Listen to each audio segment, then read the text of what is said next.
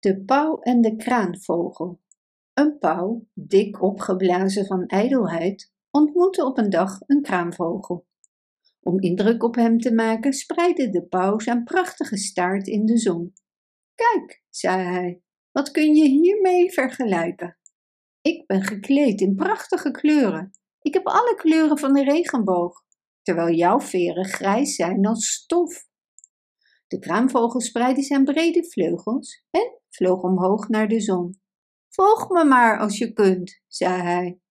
Maar de pauw kon niet anders dan blijven staan waar hij was, tussen de vogels van het boerenerf, terwijl de kraanvogel in vrijheid hoog in de blauwe lucht zweefde. Bedankt voor het luisteren. Wist je dat je dit verhaal ook op onze website ririro.com/nl kunt lezen, downloaden en printen?